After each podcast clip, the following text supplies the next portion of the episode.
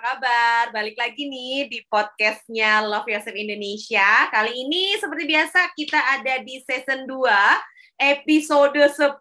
Wah, nggak kerasa banget nih teman-teman, kita udah nyampe di episode 10. Nah, di episode 10 ini tuh kita bakalan ngebahas apa aja ya. Nah, kebetulan di bulan April atau di season ke uh, sorry ke episode 10 yang season 2 ini kita akan bahas tentang self acceptance. Waduh, tentang menerima diri.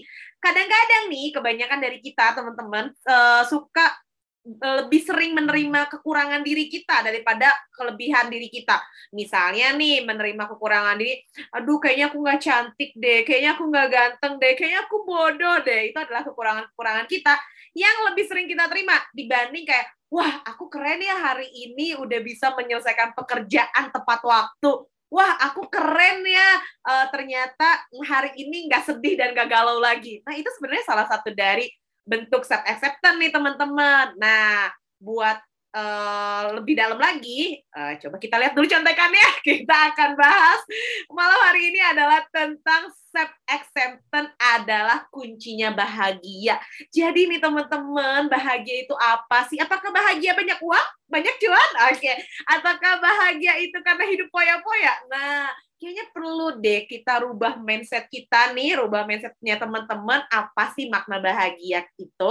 Nah, malam hari ini, sebenarnya ini uh, malam sih, tapi mungkin teman-teman sekarang lagi ngedengerinnya siang, pagi, sore, di mana pun uh, dengan apa ya, uh, perputaran waktu, teman-teman bisa tetap bahagia dan dengerin podcast kita. Dan malam hari ini kita bakalan kedatangan tamu spesial dari Here to Heal ada Mbak Leli Fauzia. Hai Mbak Leli. Halo. Mantap nih. Apa kabar Mbak Leli? Alhamdulillah baik. Alhamdulillah baik ya. Nih sebelumnya makasih banget nih Mbak Leli udah mau datang malam-malam atau siang-siang atau pagi-pagi ya kata teman-teman. Jadi kita nih tadi habis janjian nih teman-teman pakai backgroundnya sama ya. yuk biar keren gitu ya. Jadi kita kembar nih sekarang. Nah, uh, Mbak Leli ini adalah dari Here to Heal gitu ya. Here to Heal. Wah, uh, apa sih sebenarnya Here to Heal itu sih Mbak Leli sama boleh dong nih Mbak Leli ini siapa, kemudian aktivitasnya ngapain hmm. aja dan uh, kasih bocoran nih buat teman-teman pendengar kita, kira-kira apa ya Here to Heal itu? Boleh nih Mbak Leli, silakan. Oke, okay, thank you Mbak Sifat. Sebelumnya ucapin terima kasih buat teman-teman yang mungkin uh, sekarang lagi dengerin uh, cop-cop kita gitu ya. Semoga uh, apa yang kita bahas malam ini bermanfaat ya. Sebelumnya kenalin dulu, aku Leli. Namanya nama panjangnya sebenarnya Alfianur Leli Fauzia. Cuman uh, nama panggung atau nama nama populer ya. sama teman-teman biasanya dipanggil Leli gitu udah cukup biar singkat gitu ya.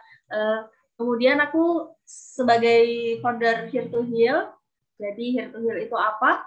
Here to Heal itu adalah sebuah platform counseling online, tapi nggak cuma counseling gitu ya. Jadi ada edukasi psikologi di sana, event-event juga uh, hampir sama mungkin ya kayak uh, Love Yourself. Jadi Here to Heal itu adalah Heal itu berasal dari kata mendengar dan heal itu dari pulih atau menyembuhkan. Jadi ketika kita uh, mendengarkan gitu ya ketika banyak mendengarkan apa keluhan orang lain uh, dan orang tuh biasanya cukup cukup pengen didengerin gitu ya nggak nggak melulu kalau cerita nggak melulu pengen dikasih solusi tapi mereka cukup didengerin tuh udah ngerasa bikin mereka nyaman gitu jadi here to heal berawal dari kata itu filosofinya Here to Heal ini tuh berdirinya kapan sih? Terus uh, base campnya nih, kalau Love Indonesia kan base campnya di Bandung nih, Mbak Leli. Nah, kalau oh. Here to Heal ini base campnya di mana? Terus sudah berdiri uh, sejak kapan sih Mbak Leli?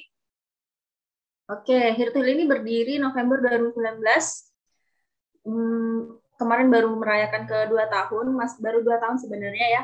Untuk base camp kita nggak ada base camp yang saklek gitu ya, di mana cuman emang berdirinya berawalnya itu dari uh, kota kecil di Kalimantan Selatan yaitu namanya Tabalong dari situ. Waduh luar biasa Tabalong Kalimantan Selatan kayaknya teman-teman ini baru banget kedenger gitu kan. Mungkin karena ini efek uh, efek uh, ibu kota negara kita mau pindah kali ya. Eh, jarang banget. Karena ibu kota negara mau pindah, kayaknya harus hatam nih tentang Kalimantan gitu ya. Benar-benar. Oke. Okay. Harus tahu ya. Hmm, udah nggak kerasa berarti sudah dua tahun ya dari 2019 Here to Heal ini ada dan bisa konseling. Jadi kalau teman-teman nanti pengen kepoin langsung tentang Here to Heal, nanti bisa cek uh, di Instagramnya Here to Heal dan Mbak Leli. Seperti pembahasan kita nih malam hari ini. Kan tadi saya udah ngasih bocoran sedikit tentang uh, kita nih ya kebanyakan sering banget ngeluh gitu ya ngeluhnya tuh mungkin uh, bukan ngeluh ya, tapi kayak kita lebih sering menerima segala kekurangan kita. Duh, aku gemuk banget deh. Duh, kayaknya aku nggak putih deh. Duh, kayaknya aku memang bodoh hmm. nih, gitu ya. Jadi kayak yang diterima tuh justru yang jelek-jelek gitu. Just gimana sih sebenarnya? Kan kalau kita uh, ngingetin yang jelek-jelek aja, kita nggak bisa hidup bahagia gitu ya. Nah, sedangkan di sini yang akan kita bahas adalah dengan self acceptance kita bisa bahagia. Tapi gimana kalau di pikiran kita nih Mbak Leli itu biasanya adalah kata-kata negatif. Jadi nggak bisa bahagia. Nah, kalau kayak gitu sebenarnya pengertian dari self acceptance itu apa sih Mbak Leli? Boleh dong dikasih tahu ke teman-teman nih. Oke, sesuai tema malam ini ya self acceptance gitu ya. Apa sih sebenarnya mungkin bahasa Indonesia-nya teman-teman kalau boleh tahu self acceptance itu adalah sebuah penerimaan diri gitu ya, menerima diri. Jadi definisinya kalau secara uh, aku juga searching gitu ya, definisinya itu apa gitu. Jadi secara positif uh, di garis bawahi secara positif kita itu menerima gitu ya, menerima diri kita Eh, kelebihan serta kekurangan sesederhana bahasa kita menerima kekurangan kita gitu dan kelebihan kita secara positif dengan baik gitu. Jadi apa yang kita punya gitu ya uh, misalnya kita punya kelebihan uh, bisa nyanyi terus kita punya kekurangan di akademik misalnya aku nggak jago di bidang matematika atau apa itu kan sebuah kekurangan gitu ya. Nah dan atau mungkin di contoh yang dikasih tahu sama Mbak Sifat tadi kayak aku ngerasa kurang cantik kok aku ngerasa uh, badan aku belum kurus kayak teman aku yang lain kayak gitu. Masalah fisik lagi-lagi masalah fisik itu sering banget ya. Nah itu. Tapi kalau misalnya kita menerima dengan baik gitu ya secara positif kita ibaratnya itu menerima aku menerima apa yang aku punya sekarang nah itu yang disebut sebagai self acceptance gitu teman-teman. Sesederhananya adalah menerima kekurangan dan kelebihan yang kita punya seperti itu Oke, menarik banget ya. Jadi teman-teman tadi Mbak Leli bilang nih, jadi bukan hanya kekurangan aja yang kita terima, tapi hmm. misalnya kelebihan yang kita miliki, entah itu misalnya dari segi fisik, kemampuan kita berpikir, menyelesaikan masalah, ataupun yang lain yang ada melekat pada diri kita. Nah, tapi nih Mbak Leli, kadang ya, ini hmm. kadang banget nih sering terjadi, orang nih yeah. masih bingung juga nih Mbak Leli untuk menentukan si self acceptance ini gitu. Kadang oh kalau kayak gini saya self acceptance nggak ya? Kayaknya kayak hmm. kayaknya saya nggak self acceptance jadi sebetulnya apa aja sih mbak ciri-ciri yang menentukan bahwa saya ini bisa menentukan bahwa ini adalah uh, penerimaan diri saya dari segi negatif ini adalah penerima uh, bukan negatif ya kekurangan saya dan ini adalah uh, cara atau misalnya ciri-ciri saya sudah menerima kelebihan saya gitu. Karena kan kalau kita ingin mencintai diri, tentu kita nggak hanya harus mencintai kelebihan aja, tapi kita juga harus mencintai kekurangannya gitu. Nah, sebelum beralih nih ke self love atau sebelum beralih ke mencintai diri kan kita harus self acceptance dulu. Nah, kira-kira nih ciri-cirinya apa aja sih Mbak Leli sebenarnya? Oke, ciri-cirinya. Ciri-cirinya pasti ada ya.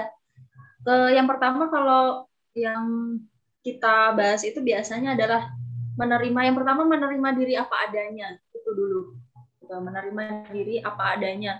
Jadi kalau boleh eh, kita kasih contoh gitu ya menerima diri apa adanya itu eh, banyak nih circle aku yang pasti dia itu membandingkannya itu selalu fisik ya. Lagi-lagi penerimaan diri itu selalu lebih dekat dengan uh, membandingkan dirinya dengan fisik kayak gitu. Nah, ciri-ciri ketika dia sudah menerima sudah melakukan self acceptance itu adalah ketika dia menerima dirinya dengan apa adanya misalnya dia punya tubuh yang mungkin uh, agak kurus gitu ya atau mungkin um, agak apa maksudnya agak berisi gitu ya.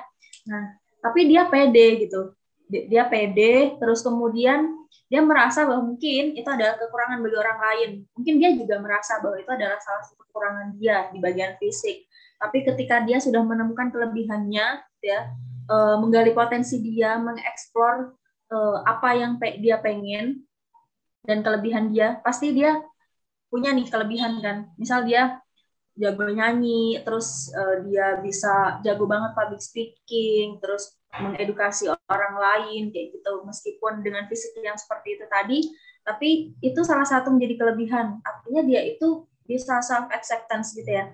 Karena dia itu tahu kelebihannya tapi dia nggak mau murung dan apa ya terlalu mendalam gitu mikirin kekurangan dia gitu. tapi dia menggali potensi yang lain gimana caranya biar kelebihanku ini bisa terlihat kayak gitu akhirnya dia uh, menerima tuh dirinya dengan baik gitu. Terus yang kedua, hmm, ciri orang-orang self acceptance itu adalah uh, tidak melulu merasa dirinya itu sempurna. Bahasanya itu kayak biasa-biasa aja gitu, ya, sesederhana aja kita sebagai manusia biasa kayak gitu. Kita nggak ngikutin orang lain, kita nggak melulu mengikuti standar orang lain gitu. Tapi kita fokus sama diri kita sendiri, apa yang bisa kita lakuin, apa yang bisa kita kasih ke orang lain. Nah, sederhana aja gitu nggak nggak muluk-muluk yang pengen teman-teman pada beli ini pada punya ini ngelakuin ini ikutan gitu terus yang ketiga meyakinkan diri bahwa dia itu mencintai dirinya sendiri dengan cara ya itu tadi. Kayak misal dia mencari kelebihannya dengan cara mengeksplor sesuatu yang baru terus kemudian sering-sering ini mirip-mirip mungkin ya kayak self love jadi kayak sering me time dia memilih apa yang pengen dia pilih.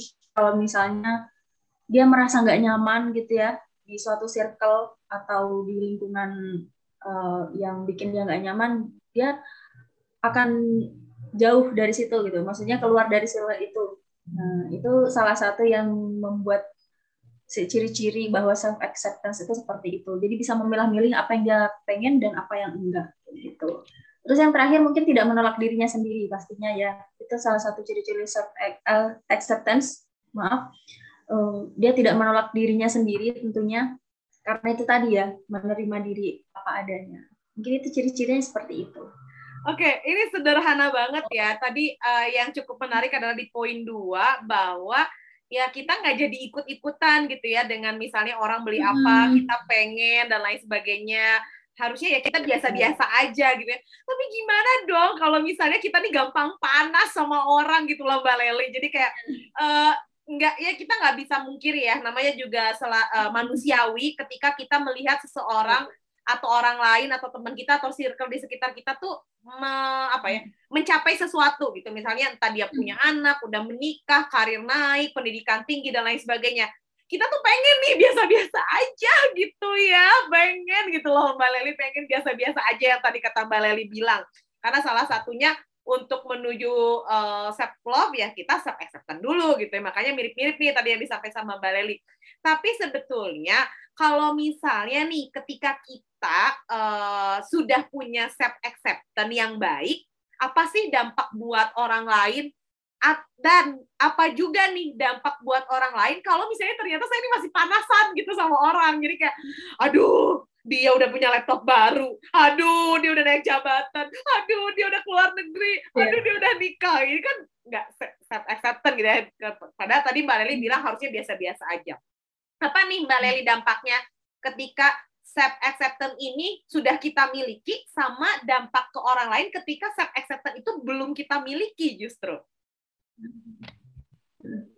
Oke, apa dampaknya ya ketika kita belum merasa self acceptance dampaknya ke orang lain gitu ya? Oke. Ini sebenarnya berdampak pastinya ya. Ketika kita tuh nggak memiliki self acceptance tuh itu berdampak ke orang lain gitu kayak misalnya yang pertama orang yang tidak yang belum gitu ya yang belum melakukan self acceptance itu kan artinya dia belum sepenuhnya menerima dirinya, begitu juga dengan kekurangannya gitu ya. Nah, yang sering terjadi ini adalah rasa iri tadi, yang kayak dicontohnya sama Mbak Sifat ini tadi kan. Dampaknya itu, iri gitu ya. Jadi kayak itu terlihat pasti ya. manusia itu kan kadang punya ekspresi yang bisa memperlihatkan uh, kapan dia merasa tidak nyaman dengan pencapaian orang lain gitu ya. Ya ada juga tuh yang kayak gitu tuh. Nah itu berdampak banget. Uh, terus yang kedua juga biasanya orang yang self kurang melakukan self acceptance acceptance ini dia itu uh, sering banget tuh mengeluh ke orang lain. Iya nggak sih mbak? Iri mengeluh tuh. Iya, yang sering banget terjadi jadi kayak iri terus ngeluh ngeluhin tentang hidup dia kayak gitu ya. Kayak misalnya aku kasih contoh uh, aku punya waktu itu ada uh, salah satu temennya temanku gitu ya. Jadi dia itu pengen resign dari kerjaan. Padahal um, posisi dia sungguh luar biasa. Bukan luar biasa tapi seenggaknya itu adalah posisi yang dia dipengenin sama orang banyak gitu.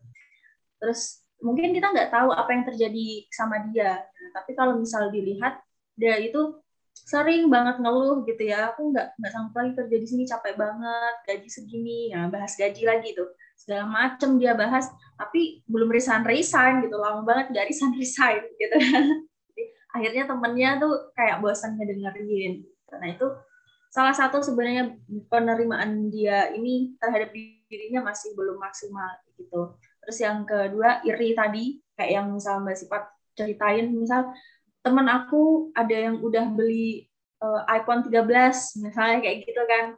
Kok aku masih pakai iPhone 7? Nah, misalnya kayak gitu.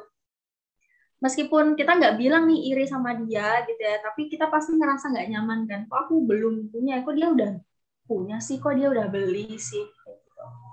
Nah itu berdampak banget. Terus akhirnya dampaknya lagi uh, dia bisa nih kesel sama teman itu tadi yang udah punya pencapaian bagus, yang udah beli eh, barang-barang yang branded atau mahal yang dia juga pengen tapi dia belum kesampaian. Kadang juga irinya tadi bikin hubungan ini nggak bagus gitu. Jadi ke teman, ke lingkungan sekitar uh, akhirnya kurang bagus nih hubungannya gitu. Bisa jadi entah yang nggak mau nyapa lagi, entah yang kesel kayak gitu. Ada aja. Itu berawal dari iri, berawal dari dia nggak menerima dirinya sendiri kayak gitu atas apa yang dia punya sekarang itu sih mbak Oke, okay. itu kan kalau misalnya dampaknya ketika kita belum bisa menerima diri kita dengan baik gitu ya Mbak Leli. Hmm. Tapi kalau dampaknya kalau kita apa sih dampak positif ketika kita sudah menerima hmm. diri kita dengan baik ke orang lain gitu. Apakah mungkin tiba-tiba kita seperti malaikat gitu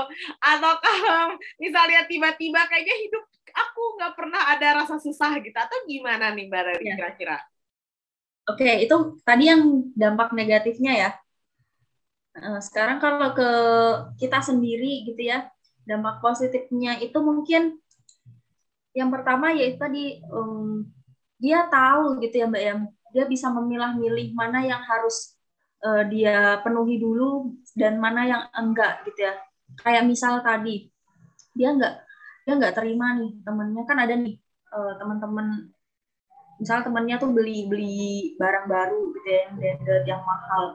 Tapi yang pertama tadi yang negatif tadi dia artinya kan iri gitu kan. Dia pengen tapi belum kesampaian. Akhirnya dia kesel sama temennya hubungannya jadi kurang baik. Nah, tapi kalau yang positifnya adalah e, biasanya orang yang orang yang udah melakukan self acceptance itu adalah dia nggak ngerasa iri. Dia sadar diri bahwa oh aku belum. Mungkin nabung dulu nih gitu. Nabung dulu. Gimana caranya biar bisa dapat kayak dia? Ya berarti nabung dulu. Dia tahu caranya gitu. Dia tahu e, cara mengatasinya bagaimana gitu. Terus dia juga biasanya support gitu ya. Wah kamu baru ya ininya beli ini.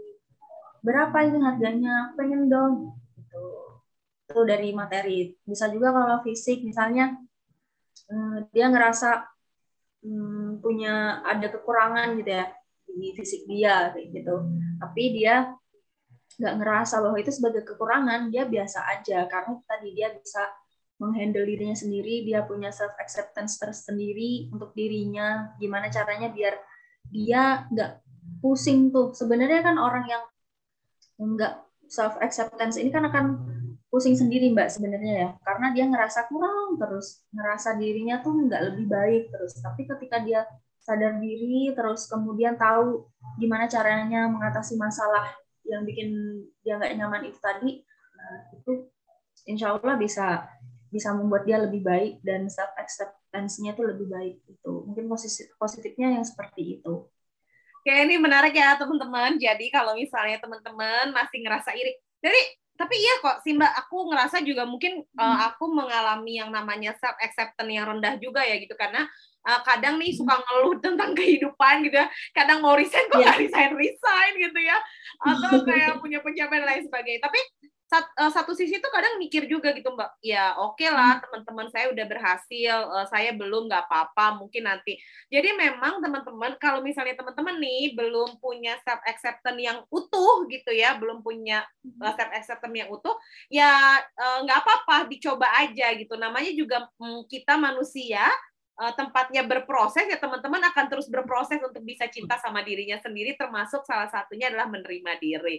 Nah, selain hmm. itu nih Mbak, mungkin teman-teman kita nih yang lagi dengerin kita uh, sekarang uh, masih ada ah itu mah gampang, tapi sih Mbak Leli nggak ada di posisi saya. Jadi Mbak Leli nggak tahu nih betapa ya. teman-teman saya itu sering manas-manasin saya. Saya panas, saya udah berusaha nih untuk sampai Leli nggak ada di, di, di, di circle saya. Mbak Leli harus ngerasain dulu yeah. dong ya. Mungkin ada ada pendengar kita yang kayak gitu. Jadi sebetulnya hmm. nih uh, gimana caranya nih supaya kita benar-benar bisa self acceptance di atas tekanan? Karena saya pernah nih berada dalam satu grup ya Mbak Leli. Sebenarnya santai aja. Hmm. Oke, okay, gaji saya sekian. Terus tiba-tiba di grup itu tuh semua orang ngomongin gaji yang gajinya di atas 20 juta semua. Hmm. Baik, Aduh. ya pusing kan? Pala mumet gitu, jadi pala mumet. Oke, nggak boleh panas, nggak boleh iri, harus acceptance gitu ya. Tapi kayak sulit gitu ya. Nah, jadi gimana ya. nih? Mungkin teman-teman di luar sana juga punya kondisi yang sama ketika berada satu circle, loh circle-nya kayak gini semua dan saya tidak seperti mereka. Gimana nih supaya saya bisa jadi self acceptance gitu. Jadi nggak kebawa panas atau iri tadi gitu. Kira-kira gimana nih Mbak Leli? Oke, okay, menarik ya. Yang kayak Mbak, ini sering banget terjadi. Mungkin circle aku juga ada, gitu ya. Aku juga pernah. ya. Ternyata Jadi, sama ya.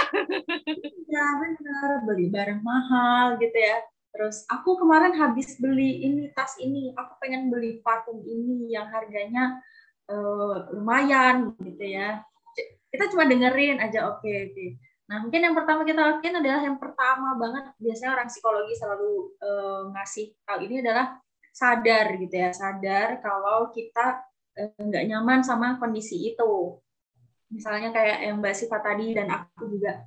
Kita sadar nih kalau kita ngerasa nggak nyaman kayak kok mereka bahas ini ya kok saingan gaji gitu ya bahas gaji atau beli barang-barang mahal. Oke okay, nggak apa-apa gitu.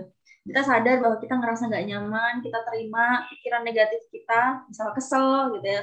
Misal udah mulai berkeringat panas terus juga uh, kok gini sih gitu. Kita terima aja kita terima aja. Karena yang pertama adalah kita nggak bisa mengontrol apa yang mereka katakan gitu ya. Kita nggak bisa mengontrol uh, apa yang mereka katakan ke kita kita nggak bisa mengontrol kita nggak bisa nyuruh mereka untuk mengatakan hal-hal yang bikin kita nyaman gitu. Itu di luar kendali kita gitu kan.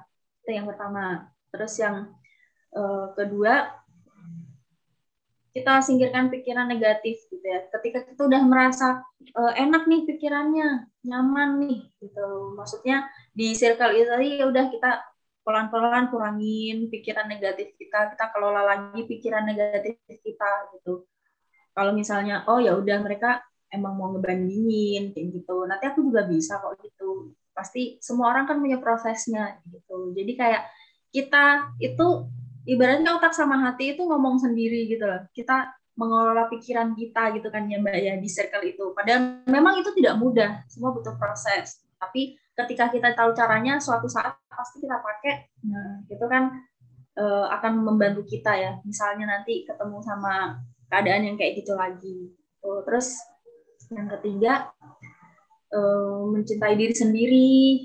Mencintai sendiri ini mirip-mirip kayak yang self love tadi ya, mencintai diri sendiri karena self love sama self acceptance itu sebenarnya kalau aku bilang tuh kayak mirip-mirip dikit gitulah ya jadi mencintai mencintai diri sendiri mencari kekurangan kekurangan kita itu apa nah terus kita cari kelebihan juga kita gali kelebihan kita Misalnya kalau boleh cerita, aku dulu susah banget untuk ketemu banyak orang ya Mbak.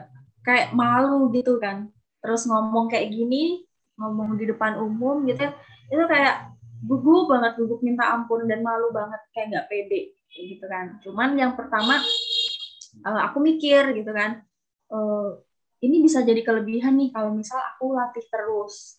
Dan akhirnya ikut webinar, terus belajar live, terus ikut yang kayak gini-gini, terus mungkin masih dalam proses belajar terus gitu ya, tapi akhirnya PD aku agak bertambah. Yang mungkin dulu itu 20%, sekarang mungkin jadi 50-60% gitu. Jadi kuncinya adalah latihan, terus sadar kekurangan kita apa, terus kita gali potensi kita gitu. Kita jadikan kekurangan itu sebagai kelebihan gitu. Ibaratnya itu mencari potensi kita. Terus yang balik lagi ke kayak yang di lingkungan tadi gitu ya. Hmm, aku selalu bilang kalau misalnya kita itu nggak bisa mengontrol apa yang orang lain katakan ke kita, tapi kita bisa mengontrol perasaan kita, uh, ucapan kita ke orang lain pun dengan rasa syukur kita gitu ya. Itu bisa kita kontrol semua gitu. emosi kita baik positif dan negatif. Jadi yang paling penting intinya di saat hal-hal yang kayak gitu keadaan yang kayak gitu eh, kita fokus sama diri kita sendiri gitu. Itu mbak Oke, ini menarik banget ya. Jadi intinya adalah teman-teman, kalau misalnya teman-teman pengen bisa self acceptance adalah uh, yang paling penting mungkin dari self acceptance ini adalah kalau tadi ceritanya Mbak Lili adalah rasa syukur.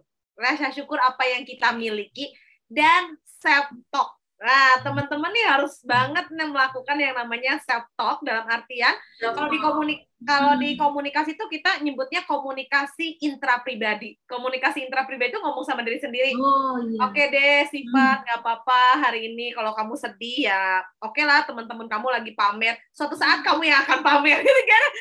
Ini ya, jadi kayak memotivasi diri sendiri tapi ya, bukan iya, pamernya dalam artian pembuktian lah. Jadi kalau misalnya uh-uh. di psikologi mungkin uh, pemba- uh, disebutnya self talk gitu ya ngomong sama diri sendiri. Tapi kalau misalnya komunikasi itu kita nyebutnya komunikasi intrapribadi. Jadi kita benar-benar ngomong sama diri sendiri gitu. Jadi hampir mirip lah ya, cuman kita beda istilahnya aja. Jadi teman-teman adalah satu rasa syukur, dua ya teman-teman ngomong sama diri sendiri gitu supaya hmm. apa yang ada di pikiran teman-teman akan sesuai dengan apa yang di hati teman-teman jadi ya memang akan ada fasenya mungkin teman-teman sedang membanggakan apa yang mereka miliki suatu saat mungkin kita juga akan berada di posisi mereka tapi dalam hal yang berbeda mungkinnya yang dibanggakan kalau teman-temannya bangga tentang karir bisa jadi teman-teman akan bangga terhadap pendidikan yang teman-teman sudah capai jadi banyak hal gitu ya nah selain itu nih Mbak Leli yang pengen ditanyain ya Kira-kira hmm. kalau misalnya udah tadi kan harus rasa bersyukur gitu ya, harus misalnya uh, self talk sama diri sendiri. Nah, ini hmm. tuh sebenarnya hal kecil apa sih yang harus dilakukan dalam kehidupan sehari-hari supaya bisa self acceptance? Biasanya nih kita baru bisa self acceptance itu kalau misalnya udah berat banget gitu ya beban hidup kita kayak udah berat banget iya. ya Allah harus sabar harus ikhlas itu katanya bukti dari self acceptance tapi hal yang terkecil aja yang bisa kita lakukan dalam kehidupan sehari-hari itu apa sih sebenarnya Mbak Leli supaya bisa self acceptance? Oke, okay. hal kecil ya. Ini hal kecil uh, mungkin aku kasih contoh yang sering aku lakuin gitu ya. Atau teman-teman aku juga pernah ngelakuin gitu. Yang pertama mungkin kita berawal dari membantu orang lain gitu ya. Nah, ini sering banget terjadi di aku gitu jadi ketika kita ngeluh sama hidup ini gitu ya, kok gini-gini aja gitu. Kok orang lain udah mencapai level ini, kok aku masih kayak gini aja. Teman-teman aku udah nikah, udah punya anak dua gitu. Kok aku masih gini-gini aja ya gitu kan. Nah, itu selalu dibandingin gitu kan.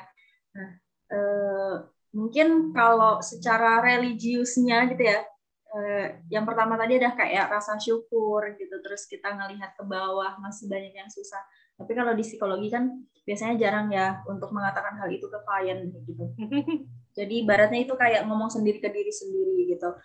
Nah, sering banget ketika aku udah ngerasa down sama hidup, bertanya-tanya nih, kenapa ya kok gini-gini gitu. Padahal kalau dilihat tuh ngerasa cukup aja, kita udah ngerasa cukup gitu ya, tapi masih aja ngeluh. Nah, biasanya ditemuin tuh aku sama keadaan-keadaan misal mohon maaf kita ketemu sama orang yang kurang mampu gitu ya atau melihat posisi di mana pernah nih waktu itu ada nih anak anak sama bapak gitu di pinggir jalan makan berdua gitu. Mereka kalau boleh kalau nggak salah itu lagi habis habis apa sih mbak? Memulung ya? Uh-huh. memulung. Mereka makan berdua makan berdua dengan hangat gitu ya. Nah hmm, itu kita bisa tuh misal kita mau ngasih makanan atau mau ngasih uh, apa? Ngasih apa sih namanya? Kita mau bersedekah gitu. Itu kadang kayak bikin energi positif kita tuh jadi naik lagi gitu. Yang tadinya kita kayak ngeluh terus gitu ya terus tiba-tiba kita langsung naik lagi. Kayak ya Allah ternyata masih banyak nih yang merasa apa ya merasa kurang kayak gitu. Tapi mereka kayaknya ya udah mereka menikmati gitu dengan cara kayak makan berdua tadi kan hangat ya. Mungkin kita nggak jarang tuh ngelakuin itu sama orang tua atau sama orang terdekat. Itu jadi kayak cambukan gitu buat diri sendiri yang tadinya ngeluh gitu ngeluh terus nggak ada habisnya eh, nggak nerima diri kita yang sekarang pas melihat keadaan kayak gitu tuh jadi kayak oh jadi penyemangat lagi gitu. Harus disyukurin nih apa yang ada yang sekarang gitu. Enjoy dijalanin gitu. Tapi tetap harus hmm, apa ya meletakkan cita-cita kita gitu. Jadi biar kita tuh punya tujuan gitu si hal kecil yang mungkin bisa dilakuin mbak. Terus apalagi apalagi oke. Okay. nih menarik. Aku saking aku nggak aku saking terkesima. Tapi bener loh ya mbak Leli. Uh, jadi teman-teman iya ada lagi sebenarnya. Oh, ada lagi ada iya. lagi apa tuh kira-kira? Hmm. Jadi itu kan udah ya, yang udah yang kita lakuin gitu ya Mbak. Nah, gimana caranya biar uh, ketika kita nggak menerima diri, diri kita, nggak self acceptance itu biasanya kan capek ya nggak sih Mbak? Kita ngeluh, iri, capek tuh di fisik tuh pusing lah, terus cemas, terus keringetan. Nah, itu bisa juga tuh dilakuin olahraga juga. Misal bangun pagi, bangun pagi, minum air putih yang banyak. Nah, terus kita menghirup udara yang segar di pagi hari gitu ya, yang deket sama ijo-ijoan kayak gitu kayak misal jogging tipis-tipis atau misal mindfulness tarik nafas kayak gitu. Itu mempengaruhi banget sih mbak. Jadi kayak kita tuh uh, fokus sama diri kita gitu ya olahraga menjaga pola makan eh, menjaga pola makan gitu ya. Terus makan buah segala macam itu mempengaruhi ke kesehatan uh, psikis kita sih. Yang itu berpeng, berpengaruh banget sih kayak gitu. Itu hal kecil sebenarnya semuanya ya tapi efeknya besar banget sebenarnya. Oke, jadi intinya adalah buat teman-teman yang masih geng mager, geng rebahan, tolonglah bangkit dari tempat iya, tidur. bangkit dari tempat tidur, olahraga gitu. Jangan nih bangkit dari tempat olahraga. tidur. Bangkit dari tempat tidur lihat handphone langsung anxiety. Aduh kerjaan. Itu aku sih kayaknya. Aku mau tidur aduh ini kerjaan gitu ya aduh bos udah nyuruh gitu aduh. Oke okay. kayaknya ini benar-benar um, pengingat buat diri sendiri juga nih teman-teman ya mungkin teman-teman juga. Hmm. jadi pas bangun tidur jangan dulu lihat handphone. Tapi pas bangun tidur teman-teman langsung bangun minum air yang banyak. Jangan lupa kalau yang muslim sembahyang. Kemudian setelah itu hirup udara segar, mandi dan lain sebagainya. Baru tuh ya, uh, mandi menghadapi ba baru tuh setelah itu menghadapi realita dengan lihat handphone. Biasa kerjaan gitu ya. Wah, ini kerjaan di handphone gitu. Ya. Sama, benar. Gitu. Kan lagi kan jadi kita ngeliatin HP terus ada aja nih kerjaan. Tahu-tahu jamnya udah siang, nggak jadi nih bangun pagi banget. Kayaknya aku sih itu ya. Kayaknya aku sih itu ya oh my god, aku tertampar malam hari ini. Oke. Okay. Nah, itu sederhana banget teman-teman. Jadi satu olahraga, dua adalah bersedekah. Jadi uh, saya percaya banget nih teman-teman kalau misalnya dalam agama apa pun kita selalu diajarkan kebaikan. Salah satunya adalah kebaikan yang paling sederhana menolong orang yang ada di sekitar kita. Dengan demikian kita akan punya rasa syukur nih. Ketika kita sudah punya rasa syukur, maka otomatis kita self acceptance. Oh iya ya, kenapa ya? Kok aku ngeluh terus ya? Uh, harusnya aku bersyukur karena aku bisa makan sepiring sendiri. Bahkan kadang nggak habis dibuang gitu. Uh, mereka yeah. makan sepiring berdua mm-hmm. sederhana tapi nikmat. Nah mulai dari situ itu adalah yang paling sangat sederhana yang bisa teman-teman lakukan. Sehingga kalau bahasa kerennya kontemplasi diri asing. Bahasa kerennya ada bagaimana cara kontemplasi diri. Nah, nah tapi nih ternyata Mbak Leli yang tadi saya bilang gitu ya, aduh, geng rebahan agak susah nih kalau pagi-pagi disuruh olahraga. Sulit, sulit banget nih hidup ya, rasa-rasanya apalagi kalau hari Minggu gitu ya. Hari Minggu tuh pengennya hmm. jadi geng rebahan. Iya. siang, leye-leye, nonton gitu ya. Kalau enggak scrolling media sosial dan lain sebagainya.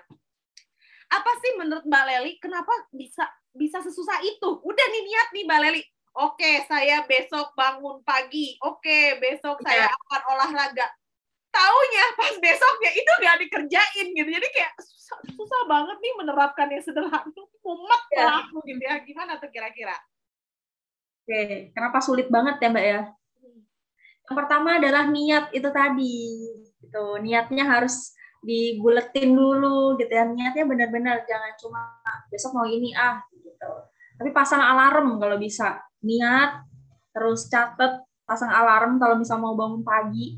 Terus misal yang sulit minum air putih kayak ibu aku salah satu orang yang sulit minum air putih. Nah, jadi emang dari aku biasanya diain gitu ya gimana caranya dari ibu nih mau minum air putih gitu. Jadi disediain di gelas atau di botol. Pengen air putih yang mana? Misalkan uh, ibu aku tuh nggak mau tuh misal kayak di galon. Beliau maunya kayak di botol gitu. Misal yang ber, yang ada mereknya itu loh mbak. Ya ya ya, gitu. ya oke okay, eh, nggak masalah gitu. Kita kasih gitu. Jadi niat terus kita bikin tulisan di sticky notes itu juga bisa nih. Besok mau ngerjain ini. Misal mau olahraga pagi minum air putih misalnya sehari itu mau 8 gelas gitu. Oke nggak harus 8 gelas dulu, eh, mungkin dari 4 lima dikit-dikit dulu bisa bertambah gitu ya terus misal mau makan sehat juga semuanya dicatat. Nah, sebenarnya niatnya itu dulu harus dibuletin yang pertama. Harus benar-benar. Jadi biar uh, itu nyatet tuh penting banget, Mbak. Aku sering banget sih uh, dicatat gitu ya. Karena kalau nggak dicatat itu cuman besok pengen ini ah, habis ini langsung ngerjain ini, terus mau ngelakuin aktivitas ini, akhirnya banyak yang ke skip tuh gara-gara nggak dicatat gitu ya. Tuh. Mungkin ada juga yang bisa juga sih yang nggak harus nyatet cuma diinget-inget tapi dia bisa ngelakuin. Karena memang beda-beda ya metodenya gitu. Tuh terus kemudian eh, yang terakhir orang itu kenapa sulit self acceptance karena manusia zaman sekarang itu adalah hidupnya itu bergantung sama orang lain dalam artian selalu mengikuti standar orang lain. Misal maaf ya mbak misal kok kamu gendutan sih? Nah, kita pikirin terus tuh omongan dia. Kok kamu kurus banget sekarang? Nggak makan ya? Kamu diet banget diet parah kayak gitu misalnya. Kamu kurusan banget ah kurang bagus nih sekarang. E, kalau kurus banget. Itu kan akhirnya kita sebagai orang yang dikasih komentar seperti itu kita mikir keras sampai ke rumah sampai malam kita pikirin terus. Apa bener ya aku kayak kurus banget? Apa bener ya aku gendutan? Kayaknya aku harus diet deh. Gitu. Itu terus ada juga yang mungkin di circle keluarga gitu ya membandingkan anaknya sama saudaranya. Ini loh pinter gitu juara umum terus. Kamu dong kayak gini gitu. Padahal anaknya yang dibandingin ini tadi sebenarnya juga pintar gitu. Mungkin nggak nggak nggak selalu pintar di akademik gitu. Mungkin bisa juga di non akademik gitu. Kadang kita belum paham akan hal itu. Nah jadi kenapa orang sulit tuh? Ya itu tadi kita tuh selalu mengikuti standar orang lain sehingga kita itu merasa diri kita itu kurang gitu. Terutama zaman sekarang itu kan yang lebih sering tuh ngebandingin tentang fisik ya Mbak ya. Fisik terus uh, akademik kayak gitu. Itu sih yang bikin orang sering merasa sulit untuk self acceptance. Ya ya. Ini ini cukup menarik ya. Jadi uh, Mbak Leli. Jadi intinya orang sulit untuk self acceptance mungkin karena dia tidak membiasakan diri. Salah satunya pembiasaan yang paling bagus buat diri kita adalah menuliskan. Jadi Aku juga pernah ya. uh, dikasih tahu sama teman, coba deh kamu nih gimana tujuan hidup bisa tercapai, bagaimana uh, keinginan kamu bisa tercapai kalau kamu nggak nyatet, karena nanti tuh kalau misalnya cuma diinget doang, itu gampang banget ke distraksi, bener nggak sih mbak? Jadi ya kayak gampang banget ke distraksi. gitu. Jadi satu-satu hmm. satu-satunya cara adalah catat minimal nggak harus nyatet sebulan mau ngapain, seminggu mau ngapain buat besok aja kamu mau ngapain itu dicatat bentar hmm. bikin aja dulu mungkin ah pokoknya tiga hal pokok yang mau aku kerjain besok gitu nah itu cek hmm. tercapai hmm. atau enggak dan lain sebagainya dilatih sehari dua hari tiga hari terus aja nanti akan terbiasa gitu nah benar tadi juga ada eh, kata mbak Leli ada juga nih orang yang sebenarnya gampang banget inget gitu ya. Tapi seinget-ingetnya orang tentu aja kadang suka gampang terdistrak jadi teman-teman intinya adalah ya, uh, mulai pembiasaan ya. Selain niat adalah mulai pembiasaan itu. Karena biasanya benar, segala sesuatu tuh akan sulit ya mbak ya. Kalau misalnya kita nggak uh, ada pembiasaan itu. Jadi kayak mau hmm. mau bangun tidur di awal tuh kayaknya susah karena tidak dibiasakan. Tapi kalau sudah ada pembiasaan ya kayaknya biasa aja tuh kalau bangun pagi gitu ya duh kayaknya ini PR banget buat aku ya buat bangun pagi. Oke okay. jadi tuh uh, waktu itu ngelihat salah satu psikolog gitu ya psikolog anak mbak siapa ya aku lupa namanya beliau itu bikin habit baru gitu di tahun ini. Habit barunya itu adalah bangun jam 7 pagi pokoknya. Hmm, nggak jam 7 pokoknya pagi. Jam 7 itu sampai jam 8 adalah waktu dia untuk olahraga. Minimal 15 menit olahraganya apa? Cuma jalan kaki gitu ya. Cuma jalan kaki, entah di sekeliling rumah, rumah kayak gitu, tadi komplek, tapi 15 menit minimal. Nah, itu dia bikin, dia bikin selama 30 hari. 30 hari dan dia selalu update nih. Hari pertama uh, terjalankan, terrealisasikan sampai hari 30 selesai. Nah, ketika kita udah sebulan 30 hari ngejalanin itu itu bisa jadi habit baru gitu buat kita. Yang sebelumnya nggak pernah kita lakuin malah jadi habit baru. Seperti itu. Mungkin bisa jadi contoh juga. Iya benar-benar. Jadi sebenarnya sederhana ya minimal jalan kaki atau ayo ah, ya jalan jalan iya. santai aja lah jalan santai ya mbak ya. Iya betul Oke, sip menarik banget nih. Jadi uh, teman-teman sebenarnya uh, nggak usah susah-susah sih kalau misalnya pengen melakukan sesuatu yang sederhana.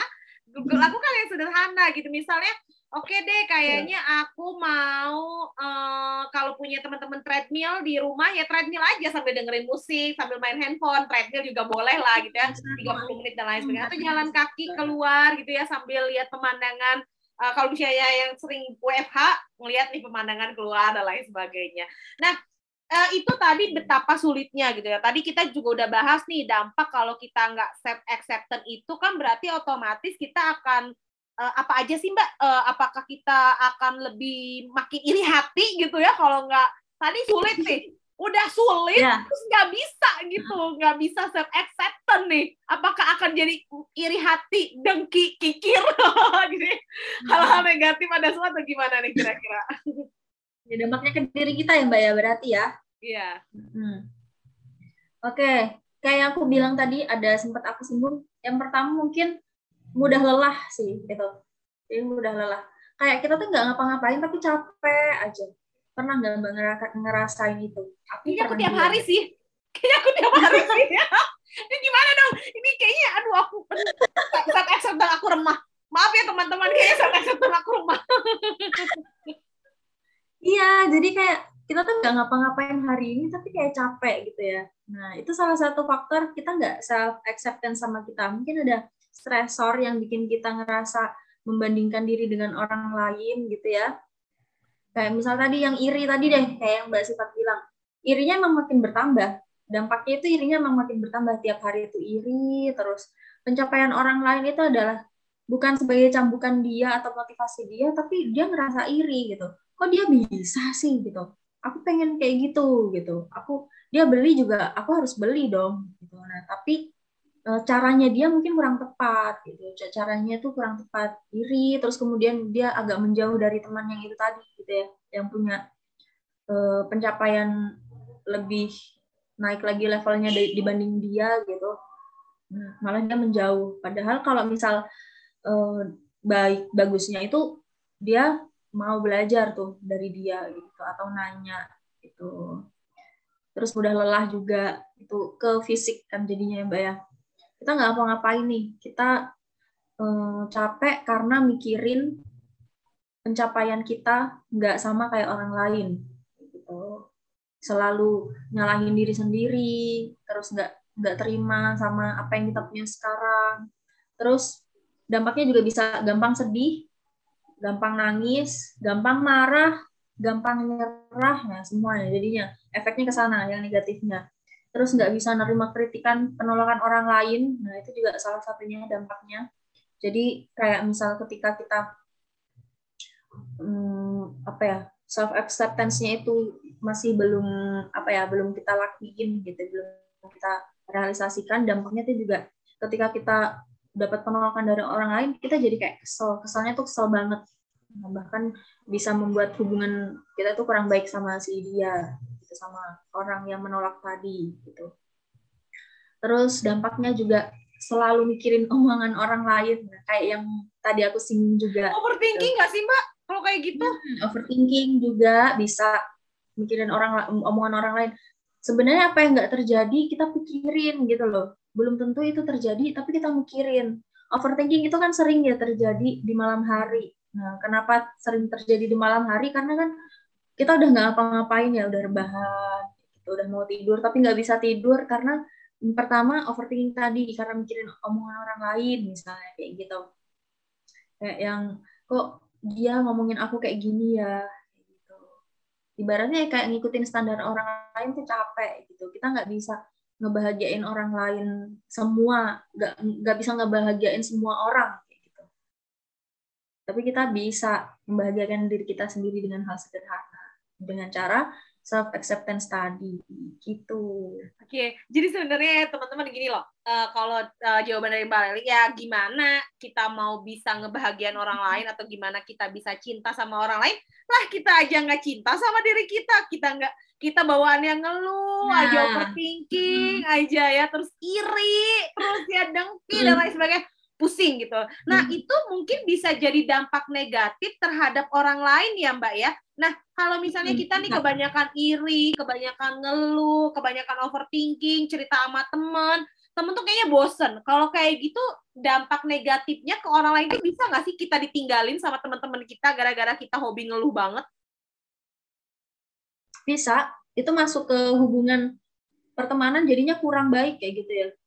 Karena kita ngerasa overthinking, terus uh, ke dia juga kita kurang apa ya kurang respect kayak gitu. Karena setiap dia punya pencapaian baru yang lebih baik dia nggak support.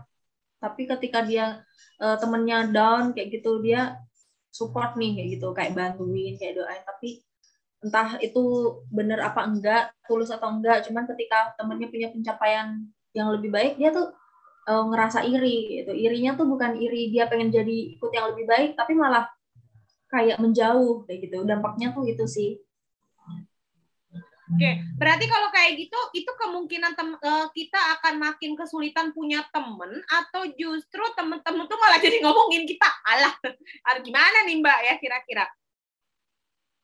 Dua-duanya bisa sebenarnya ya, kayak temen ngejauhin atau temen ngomongin terus gitu ya. Karena orang yang dampaknya ke orang lain itu uh, selain yang hubungannya kurang baik, biasanya orang-orang yang kayak gitu tuh kan dia kayak apa ya mbak ya? Kayak selalu membandingkan dirinya dengan orang lain. Terus nggak mengapresiasi diri dia pencapaian dia. Nggak mengapresiasi pencapaian temennya. Nah, kayak gitu. Bahasanya tuh hmm, kayak apa ya? Jelek banget sih temen yang kayak gitu. Toksik sebenarnya ya. Karena uh, ya udah dia mau temenan kalau pas lagi enaknya aja gitu seru-seruannya aja tapi up and downnya itu kayak uh, dia nggak maksimal dia bahkan senang kalau ketika temennya jatuh kayak gitu tapi ketika temennya sukses dia ngerasa kesel banget gitu. dampaknya sebenarnya agak jelek juga Oke, okay. gitu. uh, Mbak Leli, ini uh, aku agak mau mepet sedikit ya. Kan kalau misalnya nih orang yang nggak orang yang tidak self acceptance dengan baik, maka otomatis dia akan punya perasaan sering iri, sering ngeluh, dan itu tuh ngeluh ke temennya gitu, ngeluh ke temennya, iri ke temennya dan lain sebagainya. Nah bisa jadi kan temen kita tuh jadi kesel kan sama kita. Nah tadi Mbak Leli bilang bahwa oh itu bisa jadi temennya toksik. Nah aku jadi nanya temennya yang toksik atau justru kita yang jadi toksik buat temen kita nih kalau kayak gitu. Karena hmm. kan kita ngeluh. Maksudnya kitanya yang toksik bisa juga. Nah, maksudnya orang yang tadi yang toksik gitu loh mbak hmm. kayak dia ngerasa dia jadinya toksik nih kalau apa-apa diiriin kalau apa-apa uh, dijadiin masalah buat dia kayak gitu itu sih sebenarnya poinnya kayak gitu Oke, jadi intinya kitanya yang bisa jadi toksik ya kalau kita punya uh, apa hmm. sesuatu yang gampang iri, ngeluh terus sama orang dan lain sebagainya. Nah, kita yang bakalan jadi toksik buat teman-teman kita tabbo. Jadi dan sebaliknya juga teman-teman kita bisa jadi toksik sama kita kalau ternyata advice atau apa ya saran dari teman-teman kita itu justru hal-hal yang negatif juga ya Mbak ya? Iya benar. Bener ya. Oke, nah kan kalau misalnya kayak gitu kan kayak tema malam hari ini tuh kan kita ngomongin tentang uh, gimana nih self acceptance itu supaya bisa uh, kunci dari bahagia lah gimana bisa bahagia? Mbak orang tadi aja kita sulit buat self acceptance gimana bisa jadi kunci bahagia? Gimana? Kayak nggak nyambung nih. Gimana nih bisa jadi kunci bahagia? Oke. Okay. kenapa self acceptance adalah kunci dari bahagia? Gitu ya. Hmm. ini mirip sama self love adalah kunci bahagia. Self acceptance juga kunci uh, bahagia kayak gitu ya. Kenapa kunci bahagia? Karena lagi-lagi gitu ya zaman sekarang kita itu hidup di mana uh, standar orang lain itu adalah acuan untuk kita gitu bahagia. Padahal enggak ya gitu. Kalau kita udah bikin orang lain seneng gitu ya kayak misal hmm, aku udah diet gitu buat pacar aku gitu. Padahal masih pacar ibaratnya gitu. Atau buat orang lain yang udah komentarin aku gendut gitu. Kalau misalnya dia dietnya itu buat orang lain gitu. Dia capek juga sebenarnya gitu. Karena dia selalu fokus sama apa yang orang lain katakan ke dia. Tapi kalau misalnya dia melakukan diet untuk dirinya sendiri pengen lebih sehat pengen lebih menjaga pola makan gitu. Nah itu dia akan merasa bahagia. Dia itu sudah menjadi self acceptance sebenarnya. Dia udah berupaya untuk self acceptance agar gimana caranya biar dia bahagia gitu. Nah orang lain orang kenapa kuncinya bahagia? Ya itu tadi balik. Orang lain itu adalah omongan orang lain itu adalah yang sering kita fokusin kayak gitu. Padahal aku selalu bilang ini jadi ada dua hal yang harus kita fokusin gitu. Yang pertama adalah kita nggak bisa ngontrol apa yang orang lain katakan ke kita tapi kita bisa mengontrol apa yang kita lakuin dan apa yang kita katakan ke orang lain gitu itu yang pertama. Jadi kita jangan fokus ke orang lain terus gitu. Omongan orang lain terus ucapan perilaku orang lain komentar orang lain. Yang kita fokuskan adalah itu tadi uh, ucapan kita ke orang lain gitu. Orang lain mau bilang apa ke kita ya it's okay nggak masalah gitu. Tapi kita bisa mengontrol omongan kita lebih baik ke orang lain gitu. Itu kunci bahagianya tuh uh, itu sih. Jadi bahasanya itu ini nggak nyuruh ya? Bahasanya itu aku nggak membuat teman-teman yang dengar aku nggak nyuruh kalian untuk nggak dengerin omongan orang lain gitu ya. Cuman sebisa mungkin kita mulai mengurangi gitu ya fokus omongan orang lain yang nggak bikin kita nyaman nggak bikin kita baik-baik aja gitu.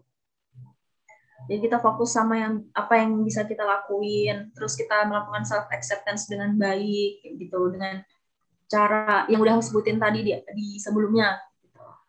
Itu sih Mbak.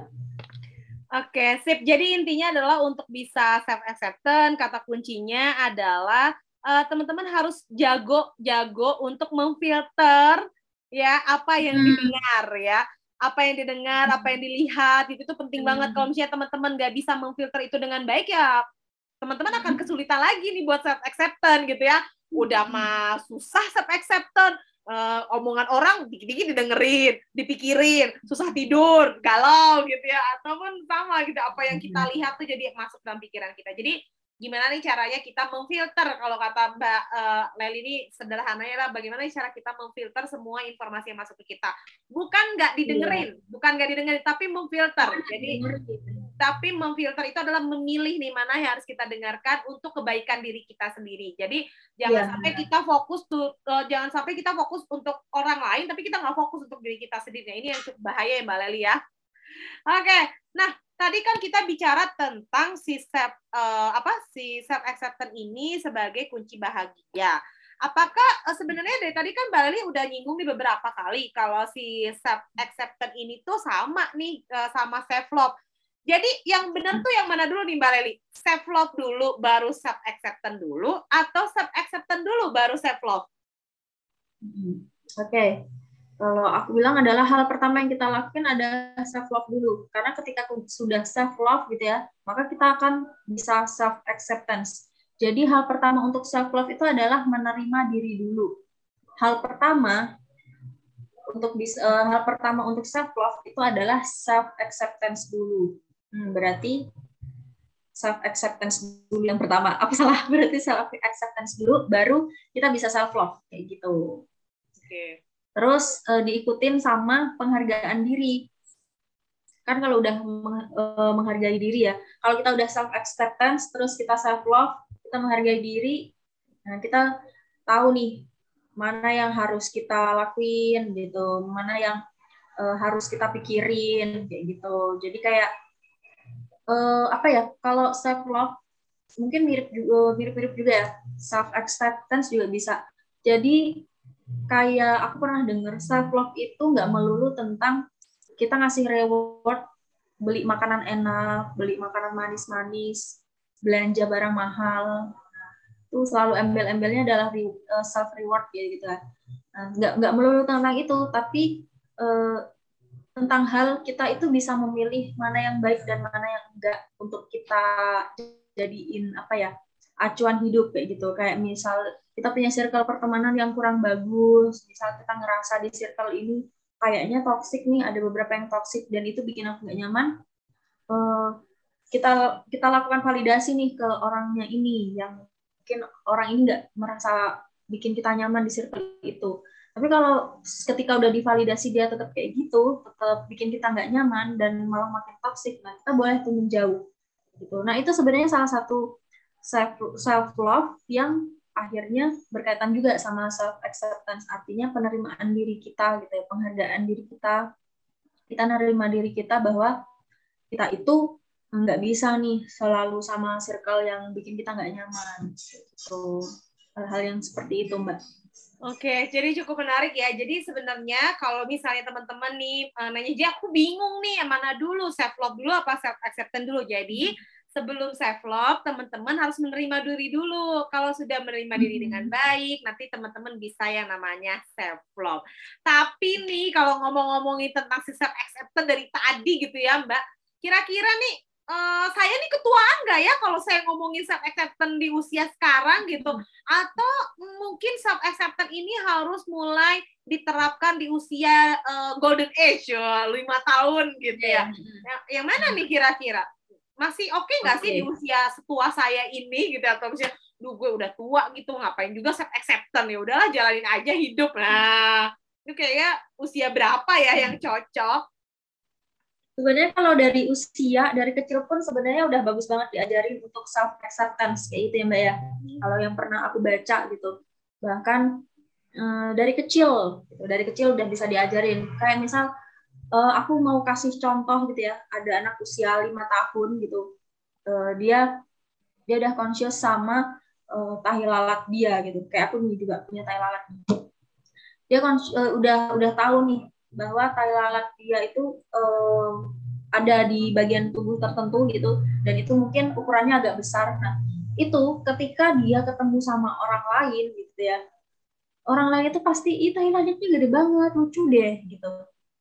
Ini kok bisa gede gini? Tai lalatnya ini tanda lahir ya? Atau segala macam bla bla bla. Nah itu anak umur lima tahun. Nah, dia bilang ke mamanya, e, mama aku uh, aku nggak suka sama tai lalat ini. Nah uh, anak umur lima tahun udah udah fokus ke sana, udah conscious banget nih tentang hal itu gitu. Karena apa? karena orang lain tadi gitu orang lain tuh udah udah komentarin itu nah jadi caranya gimana nah, itu umur umur lima tahun dia udah tahu ya mbak ya jadi kalau untuk menerapkan self acceptance itu diajarinnya sebenarnya dari kecil juga udah bisa kayak misal ditanya jangan melulu ditanya kamu sayang sama siapa? Kayak gitu. Misal sayang sama ibu. Oke sayang sayang ayah apa sayang ibu? Sayang ibu. Tapi dia diajarin juga sayang juga dong sama adik dirinya sendiri gitu. Sayang juga dong sama dirinya sendiri. Mungkin tangan ibunya bisa sambil uh, nempel di dadanya anaknya. Sayang juga dong sama adik ya sama diri sendiri kayak gitu. Jadi biar uh, belajar untuk melakukan self acceptance sejak dini. Terus bisa juga kan ada juga nih orang tua yang membandingkan atau memuji anaknya yang biasanya misal anaknya jago main piano atau jago main gitar gitu ya. Ini si kakak jago banget nih main gitar. Udah stop. Tapi mungkin bisa diganti. Si kakak jago pinter nih main gitar karena kakak sering latihan jadi ada ada sering latihannya, ada effort yang orang tuanya katakan kayak gitu. Jadi biar nggak melulu tentang memuji diri sendiri tanpa alasan gitu. Itu jadi usia tua pun hmm, maaf mbak usia usia yang udah di atas tua. bahkan oh, udah nenek pun misalnya ya hmm. udah udah ini misalnya udah apa namanya udah usia lansia itu juga nggak masalah kalau misalnya diajari untuk self acceptance gitu. Oke, jadi intinya ya Mbak Leli mau di usia berapapun uh, kita sebagai manusia yang memang dilahirkan ke muka bumi ini sebagai pembelajar di usia berapapun teman-teman tetap harus mau belajar yang namanya self acceptance. Jadi menurutku mungkin mm-hmm. tidak ada batasan ya Mbak Leli untuk uh, bisa self acceptance. Ya, Gak harus tua, muda dan lain sebagainya. Tapi kalau misalnya uh, teman-teman yang sekarang lagi punya anak, kemudian lagi bingung nih gimana caranya, mungkin bisa diterapkan ke anaknya supaya bisa self acceptance dan orang tuanya juga belajar self acceptance. Jadi jangan sampai nih kita pengen anaknya self acceptance tapi orang tuanya nggak self acceptance jadi harus kedua-duanya. Jadi biar hmm. seru. Aduh nggak kerasa nih mbak Leli seru banget pembahasan kita malam hari ini tentang yang namanya bahagia. Aku pikir tuh konsep bahagia adalah banyak duit loh mbak Leli jadi dipikir oke okay, aku salah satu duit, juga ya. bahagia. Jadi di otak aku baik aku aku banyak duit aku bahagia aku banyak duit. Aku ternyata salah gitu ya. Ternyata yang benar adalah uh, ketika kita bisa menerima kekurangan kita, kelebihan kita, maka kita bisa self acceptance. Wah, seru banget nih Mbak Leli. Thank you banget udah ngobrol-ngobrol seru di podcast kita. Uh, hari ini gitu. Masih apa nih hari ini? Hari ini uh, seru banget. Nah, jadi teman-teman uh, pantengin terus ya di podcast selanjutnya. Nanti kita akan bahas full tentang yang namanya self acceptance. Tapi sebelum itu, kalau teman-teman pengen lebih tahu lanjut nih tentang here to heal, ngobrol-ngobrol prosedur konselingnya sama here to heal tuh gimana? Atau bilang ih kayaknya aku pengen deh join sama here to heal karena sama ini tuh aku kalau cerita nggak pernah mau didengerin. Nah sama here to heal nanti didengerin. Jadi nih Mbak Leli coba dong promosiin dulu nih here to heal-nya gimana uh, biar bisa join uh, di Here to Heal. Terus udah kayak gitu hmm. di Here to Heal ini kalau konseling tuh konsepnya kayak gimana gitu. Coba nih biar subscriber kita gitu yang ada di YouTube sama pendengar kita yang di podcast bisa tahu. Di YouTube-nya juga ini ya? Ya, nanti kita ada di YouTube juga. Oh. Oke. Okay. Lumayan mau okay, mau nyari jadi... ads. bener bener bener sekarang zaman YouTuber sekarang nih, merambah. Kalian menuju YouTuber. Mbak Sifat menuju YouTuber gitu. Oke, jadi tem buat teman-teman yang mau ke Here to Heal, boleh di follow dulu Instagramnya at nah. Here to Heal gitu ya. Here to Heal, bukan heart to heal karena banyak banget nih yang heart bukan hati ya tapi mendengarkan gitu. Ini sensitif banget selalu ke hati gitu ya bawaannya tuh. Oke, jadi follow Here to Heal, terus kemudian buat teman-teman yang pengen konseling sama psikolog kita, psikolog kita uh, ada banget di sana ada sekolah klinis, uh, klinis dewasa dan anak eh dan pendidikan juga ada klinis pendidikan. Caranya gampang, teman-teman tinggal klik di bio link kita ada link di bio kita gitu ya. Itu ada nomornya. Teman-teman WA aja di sana kalau misalkan mau konseling nanti biar admin kita yang bales. Uh, terus harganya juga terjangkau, jadi tidak akan membuat kantong menangis gitu. Aku yakin banget. dan bersama sekolah profesional tentunya yang punya SIPP dan STR gitu ya. Dan teman-teman bisa milih mau video call, kalau nggak mau dilihat mukanya bisa telepon, kalau nggak mau didengar suaranya bisa lewat chat. Jadi gampang banget intinya adalah teman-teman klik dulu di link itu gitu dan bisa milih mau psikolog yang mana mantap ya harga terjangkau nih teman-teman satu harga terjangkau dua platform bisa milih video call oke okay. telepon biasa oke okay. kalau misalnya takut ketahuan orang tua ngechat aja biar dikira lagi ngechat pacar padahal lagi ngechat konseling nih gitu ya dan yang paling penting adalah supaya teman-teman tahu informasi lebih lengkapnya tentang Here to Heal. Jadi teman-teman nanti bisa follow dulu di at here bukan hurt ya. Here. Ya, ya. ya Heal to Heal gitu ya. Nanti di follow Instagramnya atau nanti bisa dicek di link subscribe kita, eh di link uh, video kita. Nah selain itu nih Mbak Leli nanti ada juga yang nanya biasanya e, Mbak Mbak saya dengerin nih podcastnya bareng adalah ada satu komunitas. E, gimana cara joinnya? Saya juga bingung gimana cara joinnya. Nah kalau di Heal to Heal nih buat pendengar kita biasanya nanti tiba-tiba pengen join gitu ya Nah, itu kalau pengen hmm. join di Here to Here tuh uh, harus nunggu berapa lama sih? Apakah harus nunggu 8 purnama gitu baru bisa join? Atau nunggu pemilu dulu ganti presiden atau gimana nih? Mungkin saya punya kemampuan, okay. saya punya kemampuan desain nih kayaknya cocok deh kalau join di Here to Here. Ada nggak nih prosedur hmm. kalau misalnya pengen join di Here to Here? Selain konseling ya? Ada, ada banget. Hmm. Kalau mau join di Here to Heal nanti makanya follow Instagram kita dulu ya, pasti ada tuh infonya biasanya kita magangnya itu selama enam bulan. Nah sekarang masih ada yang magang gitu ya internship di Here to Heal. Uh, selesainya kira-kira sekitar bulan Agustus atau September. Nah mungkin teman-teman boleh follow dulu kalau misalnya pengen join di Here to Heal. Uh, infonya pasti akan selalu kita share di sana. Mantap nih teman-teman ya, kurang keren gimana karena sudah ada internship di Here to Heal. Jadi teman-teman yeah, kalau misalnya bingung, aduh aku bingung nih mau magang di mana ya gitu. Aduh aku kayak bingung gitu ya. Uh, cari tempat uh, intern di mana apalagi semua serba pandemi kantor-kantor ditutup. Hmm, tenang, Here to Heal bakal ngebantuin teman-teman untuk menyelesaikan permasalahan perintersipan gitu ya. Wah, seru banget nih. Uh, Mbak Leli ternyata Here to Heal udah lengkap banget banget. Uh, sukses terus ya Mbak Leli untuk Here to Heal. Semoga makin bisa yourself. sama-sama. Semoga makin bisa memberikan banyak manfaat buat orang-orang di luar sana terutama dengan memberikan layanan konseling yang affordable supaya nanti semua orang bisa sehat secara mental bukan berdasarkan uh, apa ya bukan berdasarkan berapa bas, besar gaji yang diterima atau berapa besar biaya yang harus dikeluarkan tapi seberapa besar manfaat yang bisa diterima dan seberapa besar Betul. juga man, apa uh, kebermanfaatan ilmu dari teman-teman psikolog yang ada di Heal bisa ber bermanfaat buat teman-teman di luar sana. Wah, Mbak Leli seru banget. Terima kasih loh Mbak Leli untuk waktunya. Terima kasih teman-teman semua. Ya. ya, terima kasih teman-teman semua udah dengerin uh, podcastnya kita. Jangan lupa teman-teman bisa uh, dengerin podcast ini di Spotify atau di Spotify Love Yourself Indonesia atau juga bisa di kanal channel YouTube-nya Love Yourself Indonesia. Jangan lupa di subscribe supaya LES bisa jadi youtuber gitu ya. Oke, ini pesan untuk semua supaya LES bisa jadi youtuber gitu ya. Oke, tanpa tanpa berpanjang-panjang, terima kasih banget Mbak Leli. Selamat malam, selamat malam semuanya. Dadah.